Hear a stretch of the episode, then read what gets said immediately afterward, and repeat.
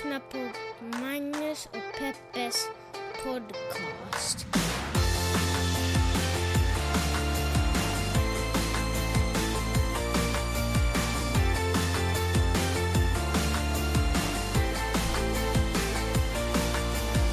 Jajamensan gott folk, hjärtligt välkomna hoppas att ni känner er till podcasten som heter Magnus och Peppes podcast. Och jag är Magnus. Jag är Peppe. Och det här är podcasten där vi pratar om de stora och de små händelserna i världen och vi gör det ur ett journalistiskt, mediegranskande och ur ett feministiskt perspektiv. Vänta, det är en hund som skäller bak. Respektlöst när man sitter och ska försöka spela in en podd. Anyway, vi sitter just nu i Santa Monica, solen skiner, det är oktober, eh, slutet på oktober. Eh, jag har precis tagit ett dopp i poolen som tillhör hus, alltså vi bor inte i en villa, men, men det tillhör liksom, vad ska man säga? Husbolaget. Husbolagets pool kan man säga. Och det är ju som att ta upp i en isvak, men eftersom man är nordbo eh, i grunden så känns det Så är inte det som en vanlig sommardag. så är det som en vanlig sommardag. Otroligt härligt. Eh, har ingen aning om varför jag berättar det. Eh, Peppe, hur har din eh, vecka varit? Det har varit bra. Jag har ju ridit otroligt mycket igen. Och jag har ridit en... Mm. Fortfarande kan man väl säga. Ja, fortfarande. Ja. Jag har ju signat upp för att rida en häst eh, fyra eller fem dagar i veckan. Mm. Och, eh, och det är ju både väldigt kul och eh, ganska tungt faktiskt, inser jag nu. Det tar ju ganska länge att åka upp dit, rida, fixa, putsa och sen åka tillbaka. Försöker säga att allt är inte guld som glimmar. Ja, men det är nog. Aha. Det är faktiskt underbart. Och i fredags fick jag rida den här personen som äger den hästen jag rider. Han har en annan häst som är ännu finare. Och så fick jag rida den och det verkar som att, ja, det var det bästa. Det var den bästa hästen jag ridit på hela mitt liv. Du eh, borde vara med i en podd som heter Hästpodden. Eh, för då tror jag att du skulle ha lyssnare som också bryr sig om eh, det du just berättade. Hjärtligt välkomna, nu ska vi börja. Är du med? Peppe, när du öppnar tidningen, eh, en random, du får välja en, en dagstidning, Okej. en, en dagsnyhetstidning. Yes. Vad, eh, vad är oftast känslor som du upplever, eller känner då när du läser den? Eller tittar på den? Jag är ju väldigt nöjd oftast. När du tittar på, när du läser Ja, men jag dagstidningen, tycker det är så du bara, mysigt. det här var en bra dag. Det här Ja, ser men- ut att bli en riktigt bra dag. Eller? Nej, men alltså själva innehållet Nej, men är av oftast innehållet. deprimerande. Ja, ja, men då kan det faktiskt ge mig ganska mycket ångest. Just får- nu är det ju klimatkrisen som är mest ångest. Klimatkrisen och uh, Jemen. Mm. Jag känner att, att det kan jag inte ens läsa. Jag känner att kommer det en nyhet... Vad händer i Jemen? Nej men herregud, det är ju ett krig där. Både Ja, ja, Saudiarabien ja, ja, förstås. amerikanska Förlåt. vapen och Mm. liksom eh, undernärda barn, liksom. Barn som är tio och väger liksom tio kilo. Det är, ju, det är så vidrigt och så sorgligt och så hemskt. Och då känner jag att eh, ja, men det är svårt att ta in allt, för jag känner en sån otrolig värld, så smärta Mm. kring det. Eh, nu känner jag att jag inträdde den här grejen på helt fel sätt. När du börjar dra upp krig i Jemen och sådana saker blir det jättefånigt att ska säga. För det jag ska säga är att, ja men det är klart man känner ångest och sådana saker. Men ibland känner man sig också gammal. Mhm. Känner du igen det här?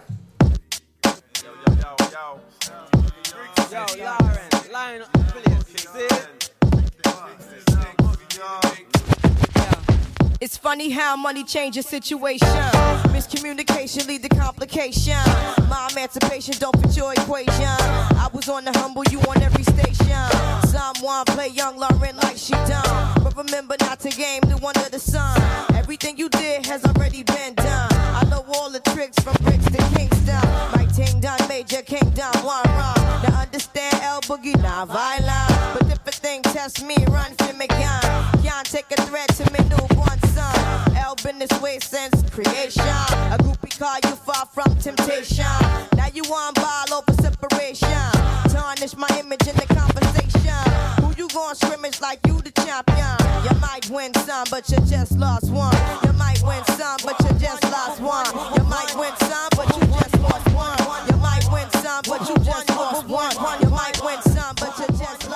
Last One med eh, Lauren Hill, eller vad ska du säga? Kommer du att säga nu att Lauren Hill är 90 och sitter på demenshem? Nej, vet du om att det var exakt 20 år sedan hon kom ut med den här skivan, The Miseducation of Lauren Hill eller något sånt heter den. Och eh, hon var, vet du hur gammal hon var när hon kom ut med skivan? Nej, ingen aning. 22 år. Alltså hon är yngre än vad jag är. Alltså vid det laget så hade hon redan släppt två plattor med The Fugees för det första. Alltså två legendariska plattor. Hon började sin solokarriär efter att ha varit med i ett band. Och så släpper hon den här som 22-åring 1998. Eh, då, hade hon redan, då var hon gravid med sitt första barn och gick igenom någon form av existentiell eh, sådär, hur ska man göra världen till en bättre plats. Eh, 20 år sedan den skivan kom ut, då kände jag mig lite gammal när jag läste det i New York Times i morse. Men hör du, har du åldersångest? Nej, jag har inte åldersångest, men ibland så blir... Nej, jag har inte åldersångest därför att jag inte går omkring och tänker på det. Men det är klart att om någon slår ens ålder i ansiktet med en stekpanna så det klart att då vaknar man ju till och börjar fundera på varför man, varför man är lite fläckig i ansiktet. Men alltså min åldersångest, eh, som jag inte kan påstå att jag har ångest över heller, för att jag försöker att inte ha ångest över sånt jag inte kan göra någonting åt. Eller det låter ju jättedumt, för jag har faktiskt ändå ångest över kriget igen, men i alla fall. Har du verkligen på riktigt har du ångest över kriget i Jemen? Ja, men sen det finns ju en massa andra krig också. Jag vet, Varför men just just Jemen, ja, men det är så vidrigt. Alltså, Känner det, någon i Jemen, Nej, eller? absolut inte. Jag läste en bok om det för några år sedan, som kom ut på Leopard förlag, som var superbra. För jag kommer ihåg att hon som är förläggare där och sa att den här måste du läsa. Men, eh, ja, men jag tycker det, alltså, det, är så, det har hållit på så länge och det är så vidrigt. Men i alla fall, det vill jag säga var Men att, krig är väl, är inte det oftast en, ett karaktärsdrag i krig? Att det vidrigt. Ja, men det känns som civilbefolkningen är verkligen... Också så- ett annat... Okej, ja, ja, men jag vet inte. Jag, liksom, jag kan inte säga att det, det, Ja, det, det är inte en rationell ångest. Nej, men jag känner ofta så här när jag läser tidningen att... eh, eller när jag läser en, en krönika av en ung person, som är typ, säg någon som är, säg någon som är 22, då kan jag tänka, om jag, om jag inte håller med den här personen, jag tänker, tänker jag så att är det för att... eh, är det en generationsgrej det här, jag bara inte fattar det? Och så försöker jag fundera kring det. Okej, varför fattar jag inte det här? Varför liksom... Till exempel läste jag en krönika där som hette Huskvinnans återkomst och konservatismens förbjudna lockelse av Greta Thurfjell. Säljande rubriken då, måste man ju säga. Ja, du, du skulle kasta dig över den. Ja, verkligen. Men, och Greta Thurfjell är krönikör och journalist på DN och jag tycker ofta att hon skriver jättebra texter, jag brukar hålla med henne. Men den här texten handlar om... Är det också... Förlåt, ja, fortsätt. Ja, men hon är väldigt... Hon är, jag tror att hon är knappast... Hon är inte ens 30. Och så skriver hon om hur hon hon finner någonting liksom lockande i att vara en, en hemmafru. Att lyssna på män, låta män förklara saker för henne, att bara liksom backa. Att feminism liksom har blivit så mainstream att hon tycker att det är liksom till och med ocoolt och hon skulle liksom backa ur och bara liksom vara en sån här konstig... Låt, kvinnor, låt, låt flickor vara flickor och pojkar pojkar, för hon har sina kvinnliga egenskaper. Hon tycker att till och med, det var, hon till och med när folk ute på vischan talar om feminism och, och tycker att det är coolt när Stina Wollter dansar naken i en hotellkorridor, till och med när det händer, då, liksom, då, är, det för, då, är, då är feminismen otrendig för hennes del, då vill hon liksom backa ut ur rummet. Det är en ganska lång essä det här faktiskt. Jag kan lägga upp den på vår, på vår eh, Facebook-sida, så kan ni också läsa den. Och då kände jag först så här, är det bara jag som är gammal som blir så otroligt provocerad av den här texten? För jag tänker, alla de kvinnor som före Greta Thurfjell har kämpat för eh, lika rättigheter, har de liksom, eh, liksom pissar hon på deras arbete nu? Och, men så skriver hon själv så här att hon, liksom, hon föddes i en... eh, Att medan vår generation, vi som är generation X, som är födda liksom på 70, 60, 70 och kanske till och med början av 80-talet, när vi eh, vill vara unga för evigt, så vill hennes generation som är födda på 90-talet bli vuxna så fort som möjligt och bli liksom, är mycket konservativare. Att det är någon slags... eh, Men vadå, är vuxen och konservativ samma sak? Eller Ja, liksom, men vilka enligt, enligt hennes teori är det samma sak, att då vill man liksom...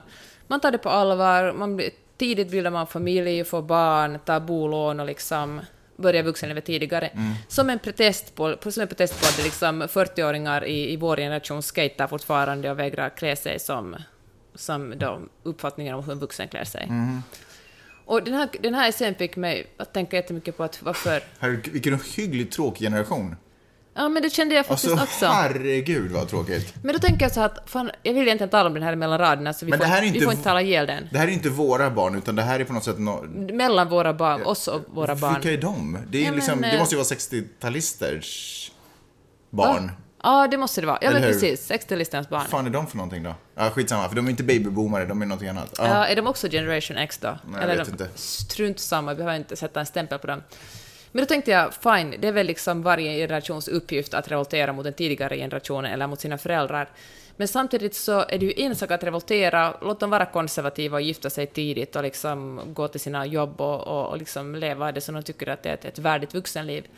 Men att, eh, att på något sätt gå baklänges jä- jämställdhetskampen, att gå tillbaka till något sånt här eh, biolo- biologistiskt tänkande att, att kvinnor är nu faktiskt mer på det här sättet och män är mer på det andra sättet. Det tycker jag är obehagligt. Fast en del av jämställdhetskampen är ju att ge kvinnan det egna valet att göra vad hon vill, vilket ju också kommer betyda att folk, vissa kvinnor kommer välja att jag vill leva på det här sättet, att jag backar tillbaka, eller backar in i hemmet rättare sagt. Det är ju inte nödvändigtvis ett tillbakasteg, det är ju för hon gör ju det av en annan anledning, hon är inte tvingad till att göra det. Nej, utan men- hon gör det för att hon vill göra det. Men orsaken till att hon kan göra det är ju för att feminister har gjort det möjligt Ja, för att hon ska göra det.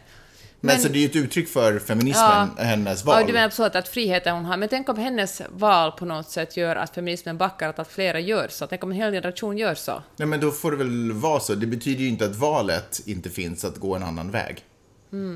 Fair enough. Ja, men det var ju faktiskt intressant. Är det ett, att liksom, är det liksom det fria valet att gå Ja, men- tillbaka till liksom en tid då... då men okej, okej, jag kan gå fair enough att man vill vara hemma och baka bullar och kanske man kommer överens om att ens man betalar in ens pension Mm. och vet du, eller betalar en liksom, flyttar över pengar varje månad, hälften av sin lön på ens konto. Fair, det är ju hur bra som helst, Ja. för då liksom verkligen uppmärksamma det viktiga arbete den här kvinnan gör i hemmet.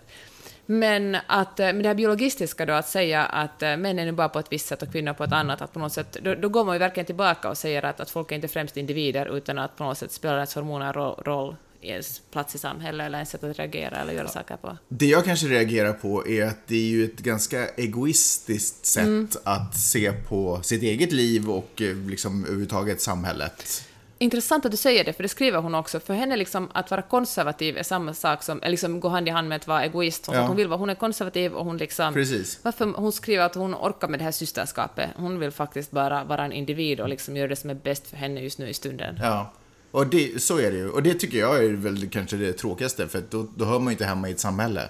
Då, kan man ju, då ska Nej. hon ju bo liksom, men det är ju exakt så här republikan, nej, men det är ju så här republikanskt tänkande. Ja, och det går ju bara att vara egoistisk när man har allting redan. Ja. För det är då man, som man är intresserad av att skydda det. Du kan ju inte riktigt vara egoistisk om du inte har någonting, för då behöver du ju samhällets hjälp och du behöver ju Precis. Och, skydd. s- men samtidigt är det det viktigaste de som har, de som är den privilegierade, att de kan dela med sig Ja, det och är beredda allting- att betala skatter och ta hand om varandra. Exakt, det är ju det allting bygger på. Det är ju sjukt provocerande när folk, eh, när svenskar blir multimiljardärer eller miljonärer och sen flyttar ut alla pengarna. Eller finländare flyttar till Schweiz liksom. Nordbor Ja. överhuvudtaget. Eller folk som kommer från välfärdssamhällen med ett enormt socialt skydd.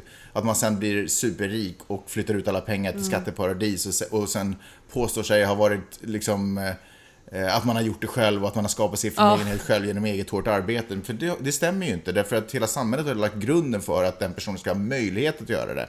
Om den personen hade varit av en annan hudfärg och uppvuxen på en annan plats på jorden så hade detta aldrig hänt. Det, för det har ingenting med den här personens eh, karaktärsdrag att göra. Det har ju med möjligheter som den här personen har fått, som den möjligen Mm. Ja, har som tagit vara gratis på. utbildning till exempel. Nej, men självklart. Bara det faktum att Drake, alltså det är faktiskt ganska provocerande, underligt att jag nämner Drake här, men det är ganska provocerande för mig när han skriver en låt, för han är ju kanadensare. Mm. Precis samma socialskydd ungefär som vi har i, i, i Skandinavien. Och så skriver han, så gör han låtar om att han liksom eh, started from the bottom, now I'm here och han liksom har typ gjort allting själv. Men det är liksom inte sant. Han har fått gratis skola, han har inte behövt bry sig om sjukvård under hela sin uppväxt därför att allting har skötts, för att samhället har tagit hand om honom och sett till att han har kunnat bli multimiljardär. Nu vet inte jag vad han betalar tillbaka, så han, mycket, han kan mycket möjligt göra. Eh, massa bra saker för sitt samhälle han har vuxit upp i, men, men att påstå och att ens inbilla sig att man är self-made, Ja, det stämmer men det är ju exakt det är den amerikanska historien, det är kanske därför han har gjort en sån låt, eftersom det är, som, Ja. det, är det alla vill höra i USA. Ja, precis. Exakt, för det är ju det hela myten här handlar om. Att, Om du bara ingen- jobbar tillräckligt mycket kan du bli vem som helst. Ja, och att gå över lik och att vara skoningslös och stark och, och liksom ett lejon. Man måste vara ett rovdjur här ungefär. Och, och det stämmer Ja, ju. För det att, fulaste som finns är att vara svag. ja, precis. För om du inte har någonting så finns det ingen chans att du kommer få någonting. Nej. Utan du måste ta om du ska få någonting här. Ja, det är faktiskt Och det, och det tycker jag att hon, det är precis vad hon gör. Hon, hon eh, bortser ifrån allting som har givits henne. Hon bortser från all den, eh, den eh, grund som har lagts för att hon ska kunna ens sitta som krönikör på Dagens Nyheter. Det är ju liksom inte ens att tänka på för en ja, 50-60 år sedan, vad vet jag. Nå, kanske det var, men verkligen inte hemskt många Mm. för 50-60 år sedan satt som krönikörer, kvinnliga krönikörer och kunde skriva och precis vad de tycker och tänker om saker och ting. Så det är ju ganska, det är, jag menar det är en ganska... Sen har hon ju rätt att göra det, Jo, jo, jo, såklart, absolut. men Ja, ja. icke oemotsagd. Och, men, men samtidigt så är det också det här att, eh, ja, jag vet, men ska, man kan ju inte hela tiden hålla på och tänka på vad alla människor har, alla människor som har dött i krig för att jag ska kunna existera eller vad människor har gjort generationer tillbaka. Och det kanske stämmer, man måste inte kan alltid gå omkring och tänka på det. Men det betyder inte att man alltid ska bortse ifrån det. Jag tycker att man ändå kan Nej, det är ju väldigt aningslöst. Ja, jag tycker man ändå kan på något sätt inkludera det på något sätt i sin bild av vad man är och varför man är där man är. Man behöver inte liksom eh, tända ljus varje, varje helgdag till minne för, men, men, man behöver inte, men det är nonchalant att låtsas som att det aldrig har hänt och bara prata om som om det aldrig har hänt. Som om allting man har är self-made och därför bestämmer jag själv vad jag vill göra. För så är det inte. Ja, håller med. Trump eh, är ju, för- förresten, jag håller på att läsa den där, eller förlåt, läsa, jag håller på att lyssna på boken Fear. Vad heter han som har skrivit den? Woodward. Woodward. Eh, och som handlar om, om Trumps tid innan och under det han... Ja, du nämnde det i förra avsnittet. Mm, precis. Jag lovade att jag skulle berätta lite mer om det. Och, och vet du vad, jag gör, jag gör det nu. Eh, och jag gör det egentligen nu därför att jag läser en grej på New York Times. Där det står att eh, Trumps administration håller på att titta lite på möjligheten att bli lite tydligare i definitionen mellan vad som är man och vad som är kvinna. Och lite kanske hålla på att skippa allt det här tramset, inom situationstecken, som transgender och du vet, folk som lever lite i en gråzon av vad som är manligt och kvinnligt. Man tänker titta på, man tittar lite på om man skulle kunna bara göra så att Eh, när barn, bebisen föds så tittar man ner mellan benen. Är det en snippa, då är det en flicka. Och är det en snoppa, så då är det en pojke. Och Gör det lite enklare så. Snoppe. Inte hemskt eh, framåtsträvande. Men herregud. Utan det- egentligen... Snarare tvärtom. Ja, faktiskt. Eh, och också lite konstigt eftersom vi liksom ändå har passerat gränsen för där detta är att betrakta som ett nytt, liksom nytt. Ja, men Du vet, att vi verkligen. har ju ändå gått igenom diskussioner, åratal, decennier, decennier ja, av diskussioner om manligt och kvinnligt och vi har till exempel fått reda på att andra kulturer Ja, men till exempel Tyskland har ju ett tredje kön. Ja, Och precis. Indien och en massa andra länder. ja, men menar, precis, jag menar att vi har, vi har fått reda på det. Eller, man, Officiellt dessutom. dessutom, precis. Och att det här är inte liksom, det här är inte fenomen som man kan läsa om på the dark net, typ, Nej. liknande. Utan det här är verkligen sådär, ja men så här är det. Och att ändå sitta då, så sitter de ändå någonstans i ett konferensrum i Vita huset och diskuterar, hur kan vi bortse från allt det här och bara göra det enklare för någon myndighet att Ja. definiera. Alltså det är så, det är så underligt hur man har massa information och massa fakta men medvetet väljer att bortse från dem.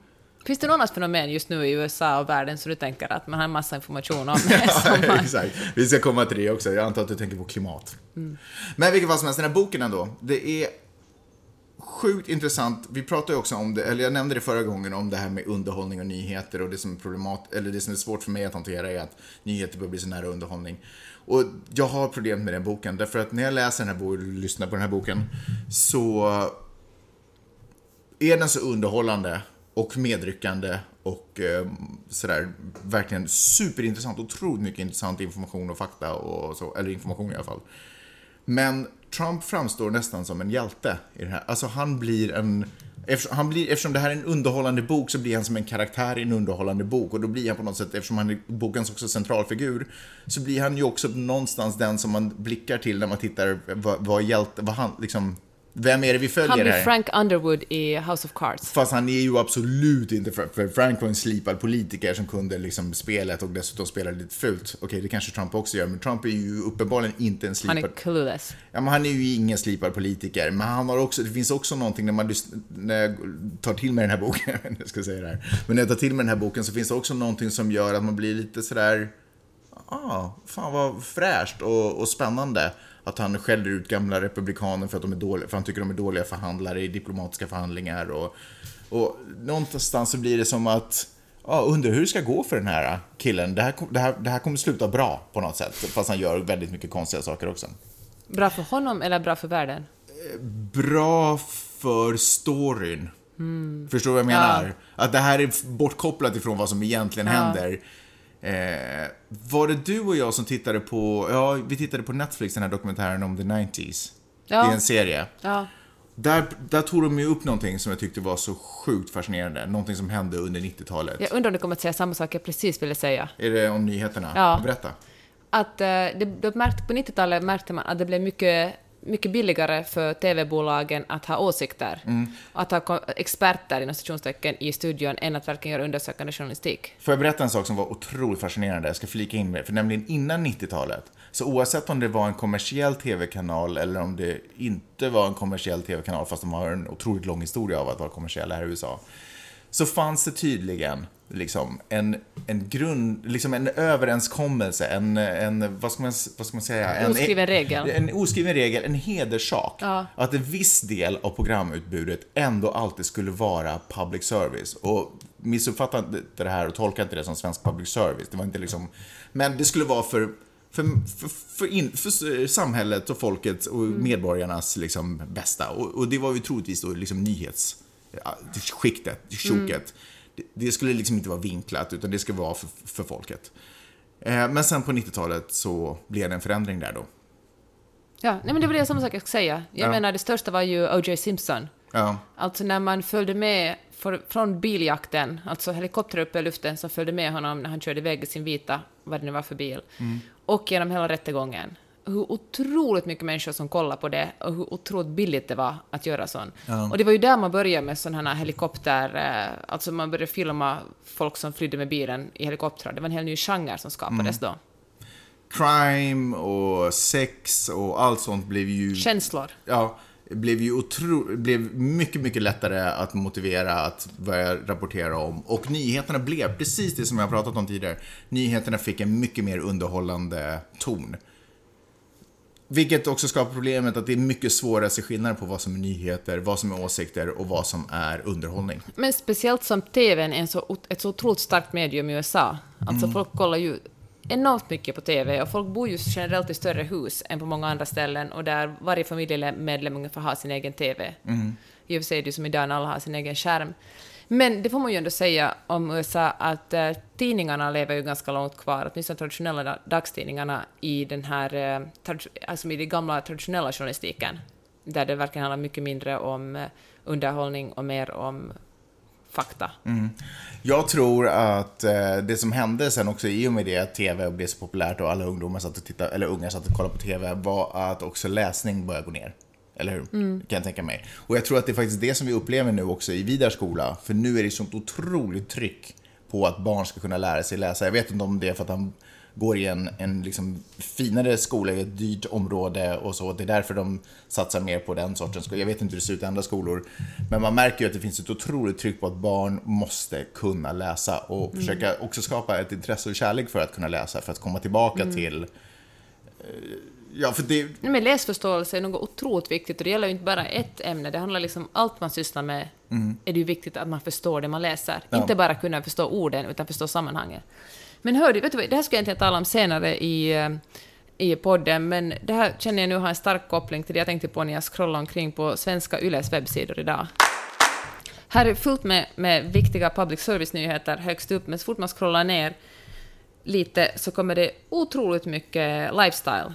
Det handlar om, eh, om poddar, vänner och pengar, en problematisk kombination. Det handlar om eh, hur det är att vara ensam, man intervjuar olika finlandssvenska kändisar om ensamhet och eh, och jättestor sjuk. Det handlar om om en, om en kock som vill, vill äta en personintervju med en kock som vill, som vill laga mat på skarv och sel. Det handlar om årets naturbild. Det handlar om hur skaffar man vänner som vuxen. Och ja, men, eh, väldigt många av de här, alltså mer lifestyle-innehåll. ja, men det där, Svenska Yle är ju inte en nyhetssajt. Eller? Jaha, ja, men jag har alltid tänkt att public service ska satsa på nyheter. Nej men alltså, Svenska Yle har ju nyhetsprogram. Men det betyder... ska också göra Men lifestyle. de gör ju också andra saker. De har ju... Public service kan ju inte bara vara nyheter, men det handlar ju ändå om att ge ett oberoende innehåll där man presenterar. Konsumentinformation är ju en viktig del av, eh, av public service-uppdrag, Hmm. till exempel. Ja, jag tänkte på att det finns liksom mindre pengar kanske än public service, så det är därför man satsar på sådana Mm. grejer. Men det har kanske alltid varit det, kanske jag bara inte har koll på public service. Så.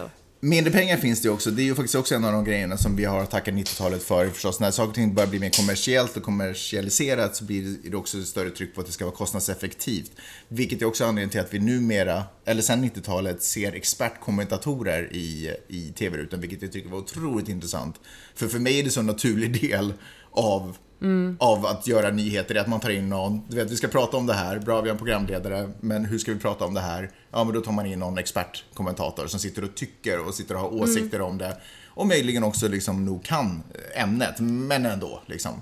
Eh, till skillnad från hur det har varit tidigare där det förstås journalistik, journalistens jobb har varit att söka de här eh, Ja, exakt. svaren och eh, Man har gått ut, men nu man istället folk in i studion. Precis, och all information har filtrerats genom journalisten som sen har rapporterat tillbaka. Men eftersom man inte har råd att ha massa reportrar ute i landet eh, och, och jaga fakta och gräva i saker och ting, utan nu är det mer rapporterat, nu brinner det här, eller nu händer den här, eller nu flög den här grejen i luften. Eh, men eftersom man inte har råd att ha reportrar ute som jagar information och söker information och kan fungera som eh, filter eller på något sätt så, och baka ihop det till ett förståeligt paket så måste man bara anlita expertkommentatorer. Och jag tycker det var så ohyggligt fascinerande att det är egentligen bara ett uttryck för att journalistiken försöker vara kostnadseffektiv och försöker vara en business. Och det är ju, ju mer jag börjar tänka på det, journalistik borde alltså det kan ju inte vara, det kan inte vara uppbyggt som en business. Det kan inte vara uppbyggt för att vara lönsamt, därför att det har en samhällelig funktion. Det betyder inte att det ska vara betalat och supportat av samhället, men på sätt och vis borde det vara i medborgarnas intresse av att det är eh, supportat av dem själva, så att de åtminstone betalar för innehållet själva. Men jag tänker det tydligaste exemplet på riktigt kommersiell media i Sverige då till exempel är då Expressen och Aftonbladet. Ja. Där var och varannan... Ja, men det är ju um, löpsedlar handlar om hur man ska gå ner i vikt. Eller någon slags kändis som har sagt någonting. Och sen bläddrar man fram och så står det egentligen ingenting. Det är ju det är ju som kommersiell journalistik dragen till sin spets. Ja, verkligen. Eller ja, i, i, i Norden i alla fall. Ja. För kommersiell journalistik draget till sin spets är ju i det här landet. Ja. Det finns ju ingen annanstans. I helgen demonstrerar nästan 10 000 personer eh, för att eh, beslutsfattarna ska göra någonting mot klimatkrisen. Och eh, jag tycker att HBLs rubrik var väldigt rolig. Så skrev de 8 000 demonstrerade i centrum, inte bara klimathippier, hippier vill rädda världen. Det tycker jag ändå var en på något sätt lite nedsättande Det är otroligt nedsättande. Det är liksom som att jag har inte förstått vad det handlar om. Nej. Utan Nej, Det- för jag trodde att Rädda klimatet, det var bara någonting som hippier var intresserade av. Ja. Det ligger inte i någon det är annans här flum, flummigt som... Det ligger inte i någon annans intresse att dra ner på bilismen än, än folk som bara vill äta grönsaker i skogen. Nej, precis. Ja, men, ehm, ja, men då blir jag lite provocerad av den rubriksättningen. Men då kommer jag också att tänka på ett jättebra avsnitt av The Daily som jag lyssnade på i veckan, som handlar om Nobelpristagaren i ekonomi det här året. En person som hette William D. Nordhaus. Han eh, forskar på Yale. Han har, han har, han har sagt säga så här att eh, det bästa sättet att mota klimatkrisen i grind är väldigt enkelt. Helt enkelt högre bes, beskattning på utsläpp. Så superenkelt är det. Mm. Så har, liksom, eh, så har stater alltid gjort när man vill minska någonting. Man har högre skatt på socker, man har högre skatt på alkohol, man har högre, högre skatt på rökning och ju högre någonting är beskattat, desto mindre använder konsumenterna det och då drar man ner på det. Högre skatt på utsläpp, där är det. Det skulle ju såklart bli mycket dyrare, eller det betyder ju att det blir dyrare att flyga, åka bil och beställa hem saker, utan allt som använder bensin till exempel kan bli dyrt. Mm. Och, och det stämmer säkert. Eh, det som är problemet med det är ju, det är ju jättebra för klimatet förstås. Problemet är ju eh, eh, klyftorna mellan rika och fattiga. För det betyder att rika kommer ju inte upphöra sitt... Det blir ju en orättvisa i att börja beskatta högre. Förstår du vad jag menar? Men det är ju också orättvist att inte ha någon jord kvar. Det är otroligt orättvist, men eh, är det inte bättre att ha ett jämlikt samhälle in i döden? Ja, det är en ganska bra filosofisk fråga. Jag vet faktiskt inte, vad tycker du? Ni, För att, för att lösningen skulle ju vara att nu, är det det är de fattiga som måste ge efter. Men är det orättvist att fattiga Återigen. inte får äta, röka lika mycket? Men eller vet du vad, dricka li- men det, ja, fast, Okej, det kanske inte är helt nej, jämförbart. för det är dessutom den rika delen som orsakar det mesta av det här. Ja. Det är ju inte de fattigaste som går omkring och, och kör bil så att det blir, ja det kanske de i och för sig gör, men åtminstone inte på global nivå. Så det är ju fortfarande de rikaste som lite står som lite ansvariga för det här. Man borde man göra någon slags progressiv skatt på det då? Ja, det skulle väl snarare vara så. Eh, egentligen. För det, det enda som kommer att straffas är ju, i, i västvärlden så är det ju ensamstående mammor som inte längre kan ta sina barn, sina... På fotbollsträning? Ja, på fotbollsträning eller på semestrar eller vad det nu kan vara. Okej, liksom men inte... skatteintäkterna borde man kanske investera i elbussar eller elcyklar och på något sätt... eh, Men förstår du problematiken? Ja. Förstår du varför man Ja, troligtvis förstår inte det. har gjort det här? Därför att Fast det finns ju beskattning på den redan nu alltså. Jo, det gör det. Flyget betalar väl knappt någon beskatt, men på bensin finns det ju beskattning. Men jag tror att om vi verkligen skulle börja känna av den beskattning som verkligen skulle behövas, så då är vi tillbaka till 60-talets flygresan där det bara är businessmän som åker. Ja, men kanske det måste vara så då. Är det, är det en mänsklig rättighet att åka till Thailand? Är det inte bättre att satsa pengar på forskning och skapa, se till att vi kan få flyg som inte producerar Ja, massa men jag tror inte att det finns tid till det. Det finns liksom inte, vi har inte tid att hitta Men på de flygen. där är ju snarare en ekonomisk fråga. Det, det, det skulle säkert gå att lösa på två år om vi bara, om det bara var inte... Ja, om det bara just det. Om det bara fanns ett intresse av bilindustrin att liksom skita i sin grej och satsa pengarna på mer, eh, på mer hållbara. Alltså det Ja, finns men- ju men industrier som bromsar utvecklingen. Ja, det kan jag hålla med om. Det känns lite konspiratoriskt, men jag kan delvis... Det Varför är det konspiratoriskt? Det är ju, det är ju en konkurrens... Eh, Men jag tror faktiskt inte att vi löser den här klimatkrisen genom att konsumera mer eller konsumera på ett annat sätt. Jag tror helt enkelt att vi måste sluta konsumera. Ja, absolut. Sluta köpa Men det- kläder, sluta, sluta åka bil, men sluta det är ju flyga. ingen som gör det. Ja, men det finns folk som gör det. Jag tycker att det blir allt vanligare. Alltså för några år sedan tyckte man att folk var Fast de här klimathippierna räcker ju inte. Nej, nej, men jag tänker att ju fler som gör det, desto mer inspirerade blir andra människor. Jag menar, det blir liksom en, en, en rörelse. Och därför känner jag, jag tycker, alltså jag säger inte heller att vi löser det här problemet med att peka finger på, åt på individer. Alltså att säga att du gör fel. Och Jag, jag tror faktiskt att det måste komma en eh, det måste komma en, en, en, en lösning uppifrån, som eh, beskattning eller liksom inte bygga fler flygplatser eller eh, men, eh, men ändå kan jag känna mig otroligt provocerad när folk lägger upp eh, bilder på kött. fatta hur lätt Eller när, när folk helt utan, helt aningslöst lägger bilder från när de flyger hit och dit. Och jag vet att jag liksom är likadan skurk själv, vi bor ju liksom jättelångt borta från Finland och Sverige och flyger liksom minst en gång om året. Men jag kan ändå känna att, att det är så aningslöst att men influencers som lägger ut bilder från business class när de ska göra liksom en, en veckas resa till andra sidan jordklotet. Alltså, nu kommer inte jag, är det jag som brukar argumentera för att man som individ kan välja själv eller att man måste lägga för? Jag kommer inte riktigt ihåg, men det jag kommer säga Det nu... känns som jag är på kollektivets sida. Ja, mm, ja, det gör det väl. För att som jag ser det så, jag tycker att det är fräckt att lägga det här på en individ, att det är den som måste göra det. Nej, ingenting i samhället uppmuntrar en att göra. Och det är ju inte det enda vi har att tänka på. Vi försöker ju också överleva och försöka hitta ett sätt att få in cash till vår hyra, liksom. Samtidigt som barn skriker. Alltså, det, det är fräckt att lägga, ja, och nu måste, får du inte heller göra det här, nu måste du tänka på det här. När, när, när allting i samhället säger, åh, åk upp i de här platserna, åh, ta dig snabbt dit och kolla så fint den här grejen. Du förstår vad jag menar? Nej, vänta nu, det är faktiskt jag som brukar säga att... Nej, tvärtom. Det är jag som brukar säga att individer kan sluta köpa på H&M. Ja, Och du säger att det är H&M som ska se över sina förhållanden i fabrikerna i Bangladesh. att jag gör det. Ja. ja precis. Ja. Ja, men för, så låt mig då, det jag nu tänker komma till är ju att i till exempel här i Los Angeles, jag vet inte om det är hela Kalifornien, så får, man, får butiken inte längre ge plastpåsar. Mm. Eh, Man får inte ha plastsugrör på typ McDonalds eller utan allting är papperssugrör. Vilket i och för sig är hopplöst att suga upp saker och ting ur. Men, men det är inte vårt största problem i samhället. Någonstans använder de ju pastastrån som sugrör. Så jag säger så här, att om miljön på riktigt och klimatet på riktigt var en prioritet, förbjud bensindrivna bilar. Det finns ju redan ett alternativ. Fast litiumbatterier är också otroligt dåliga för miljön. Ja, men...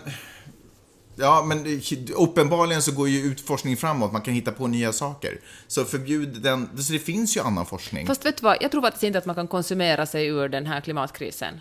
Absolut, att det är ju konsumtionen som har satt oss i klimatkrisen. tvärtom måste vi stoppa konsumtionen. Nej, men vi måste ju stoppa utbudet. Vi kan ju inte säga att det är okej att göra alla de här grejerna, men ni får inte köpa det. Nej, jag håller helt med. Jag tror inte. också att de komma därifrån, men jag tror inte att det skadar att... jag Här tror, finns alla de här sakerna som kommer göra er, era nästa tio minuter helt fantastiska, men ni får inte röra det. Men, eh, nej, jag håller med, men jag tror att ju fler människor det finns som inspirerar en, som säger att jag bestämmer mig för att inte flyga en enda gång nästa år. Och ju fler som gör det, desto mer, fler blir det som är men- inspirerade av det. Och då kanske, ja, men jag tror faktiskt att det är viktigt. jag tycker inte att det är rätt väg att gå. Det är liksom... Men jag håller också med om att det det- måste ske är via lagstiftning tiden- och, och beskattning. Jag ja, det är ju också hela viktigt. tiden motarbetade av det. och jag tror verkligen inte att... ja, men jag tycker inte heller liksom att man ska peka finger och säga fy på dig, men jag tänker ändå säga att jag blir jätteprovocerad av folk som aningslöst flyger och, och äter kött och lägger upp det som om det ska vara någonting att vem, är vara som, stolt vem över. är det som flyger och äter kött? Kan inte säga det. Är det någon som åker iväg till någon annanstans för att äta kött? Nej men överhuvudtaget, någon bara åh, kolla vi, här är receptet på den här biffen. Man bara, nej men, nej. ät vegetariskt. Mm. Eller folk som säger så här, ja, jag har börjat äta mindre kött, ja, det är bra, men... ehm, Men där är ju också, vad heter det, köttindustrin borde inte få producera så mycket kött som de producerar. Eller det sätt, nej. Det borde och finnas ett kan- tak. det borde ju finnas otroligt mycket strängare lagstiftning om hur man behandlar djur. Jag tror faktiskt att den här tiden i våra liv kommer i av framtid, alltså våra barn och barn, man kommer att se tillbaka och vara så att fy fan vilka primitiva barbarer vi var på den här tiden som behandlar levande varelser på fast- det sättet vi gör det. Fast vet, alltså vi är ju, alltså jag vill ändå se människan, mänskligheten, alltså människan som, en, som ett djur. Jag vill ändå se det som ett godhjärtat, godtroget och flockdjur. Alltså vi gör som vi säger att vi ska göra, eller som vi blir tillsagda. Och vi, eh, och vi, heter det, vi följer vad alla andra gör. Och då är vi ju liksom hopplösa offer för eh, kommersiella företag som har hittat sätt att spela med våra psyken. Och de har ju lärt oss att äta kött. De har ju lärt oss att äta socker i de här mängderna som vi gör. Och de har ju lärt oss att liksom bete oss som idioter. Så det, liksom, skulden kan inte vara på oss, för vi kan liksom inte omprogrammera. Vi är vad vi är och vi behöver varandra. Fast jag känner att om man känner ens minsta lilla stygn av klimatångest, det är ju ett jättebra sätt att bota det genom att känna att jag gör någonting. Min, det, min handling är kanske pytte mikroskopiskt liten, men åtminstone gör jag någonting. Jag är inte bara den där uh, kossan som, Ja, fast- i flocken som bara Jag, jag tycker att det är mycket bättre att man bara... Att det är någon Knack, knack. Ah, Nej, men att det är ledare som... Knack, knack. Who's there? the interruptive cow. The Interrupted Cow. Jag tycker att det är mycket viktigare att det kommer uppifrån. Att det är på något sätt att vi har schyssta ledare som på riktigt värnar om oss och om planeten. Som, eh, som ger Jag oss håller med om det. Därför Jag- det är jätteviktigt att alla röstar. Verkligen. Och att man röstar på rätt person. För att annars är det ju ännu värre. Rösta på klimathippier. Precis. Jag såg en, eh, det finns en, vad fan ska jag beskriva det här? Han är liksom inte magiker, men han jobbar med mindfucks egentligen. Det är vad han gör. Mindfucks. Ja, precis. Han har shower där han får folk att göra galna saker bara genom eh, subtila signaler och eh, att sätta in folk i betingat beteende genom att han varenda gång du vet när han pratar så använder han vissa ord så att det hela tiden ska bli som de- programmerar ett mantra i ens huvud. Alltså så här brukar han beskriva det själv. Han är expert på att ta bort det du har i din hjärna och sätta in det han själv vill att ska vara där. Eh, och det är ju... Någon slags hypnos alltså. Ja, men alltså, vad det hela tiden handlar om är ju att människan är ett, vi är, otro, vi är ett bräckligt djur. Eh, vi, liksom, vi har ju ingenting som talar för oss om vi skulle placeras ut ensamma ute i vildmarken. Vi, liksom, Träd har ihjäl oss, liksom, för att de trillar på oss och vi är inte medvetna om det. Alltså, vi, vi, det är liksom, vi är superbräckliga, så vi behöver ju verkligen alla, så många som möjligt som kan liksom se efter, så att vi kan se efter varandra, skydda varandra och om någon dör så har liksom inte alla dött för det.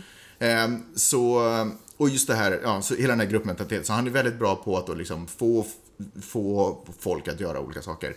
Och han lyckades få tre människor att mörda eh, en, en, en person. Alltså tre helt var, han försökte fyra gånger, en av dem gjorde det inte, men tre av dem gjorde det. Va, är det här något true crime du har kollat på? Nej, det här är inte true crime. Eh, och det var inte ett riktigt mord. Det var allt, han, det liksom, det var sett, allting var upplagt, liksom så. Men de gjorde det. De gick fram till personen som hade ryggen mot dem och stod vid kanten på en byggnad och puttade ner den personen. För allting som hade hänt under den dagen, hur han hade liksom manipulerat dem att Vad hade han gjort då? Han hade fått dem att eh, knyta band med vissa personer. Sen hände någonting och du vet, det var ett scenario som, som spelades upp liksom. Men han, forcer, han hela tiden styrde dem, gjorde så att de eh, eh, knöt band med vissa personer som blev då nyckelpersoner i den här berättelsen eller det här händelseförloppet. Och, och du vet, fick dem att börja tänka på ett visst sätt, binda sig vid, vid beslut de inte riktigt var över, liksom som de egentligen inte tyckte var bra, men för att inte stå ut ur flocken och för att inte bete sig onaturligt och för att hjälpa en medmänniska så, så, så Spela på deras empati på något ja, sätt? på exakt. Spela på empati, sätt. men också kanske inte så mycket empati som behovet av att tillhöra. Och att inte liksom, man måste vara otroligt stark för att stå, alltså jag menar, en på, en på fyra, liksom, man måste vara otroligt stark för Tror att du att du skulle kunna vara den enda, att du skulle vara ettan eller efter att ha sett det här Så, så då vet man ju vad, vad det är viktigt. Det är liksom viktigt att ta ställning redan från början och inte låta, för när, ju längre bollen rullar desto svårare är det att dra sig ur. Liksom. Han fick en person eh, som bara skulle vara på ett evenemang för att representera en, en eh, han skulle möjligen hjälpa till, skitsamma, det var en IT-lösning han skulle hjälpa till med. Eh, och han fick den personen att inte bara hjälpa till att gömma en död kropp, eh, som han trodde det var en död kropp. Och han fick också den personen att påstå sig vara någon annan än det var, hålla ett tal inför en massa människor i tron, eller liksom och låtsas att han var, bara för att liksom komma ur situationen. Han, han njöt ju, han, liksom, han led ju hela tiden igenom och var så här, det här är en mardröm.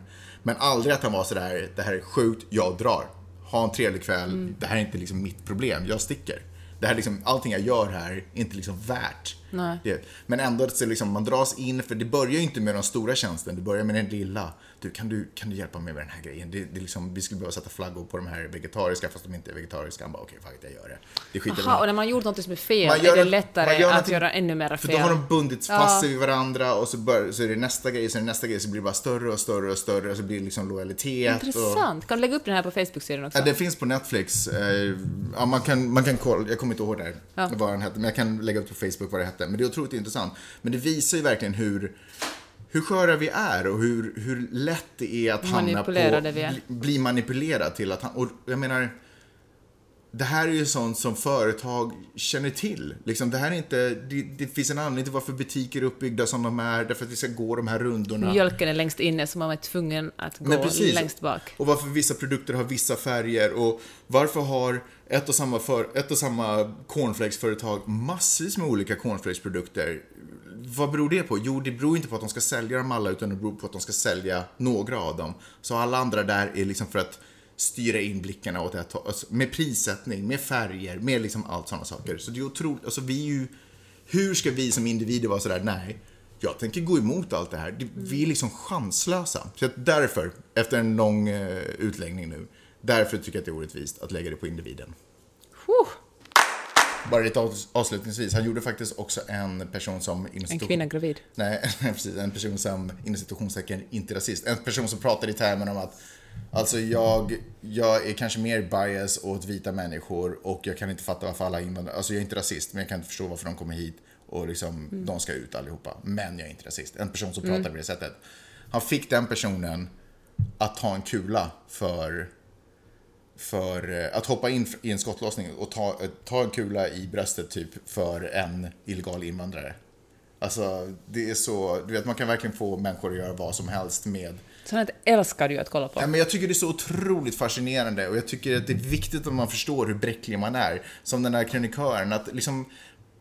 Eller som inte den där krönikören, att vi inte... Vi skapar inte oss själva. Vi är produkt av allting som händer runt omkring oss och med våra liksom, genetiska förutsättningar att ta tillvara och ta, ta hand om och sortera upp all den information vi får. Och jag tror att det är så viktigt att förstå, att vara lite ödmjuk inför sin egen kapacitet och sin egen förmåga och vem man liksom är. Att man bara check yourself, var lite ödmjuk, tunga rätt i mun och liksom eh, rör framåt med försiktiga steg. Vad finns det åt? Jag tycker det var bra. Förra veckan talade vi ju om den saudiarabiska journalisten eh, Khashoggi som blev mördad på ett konsulat i Turkiet.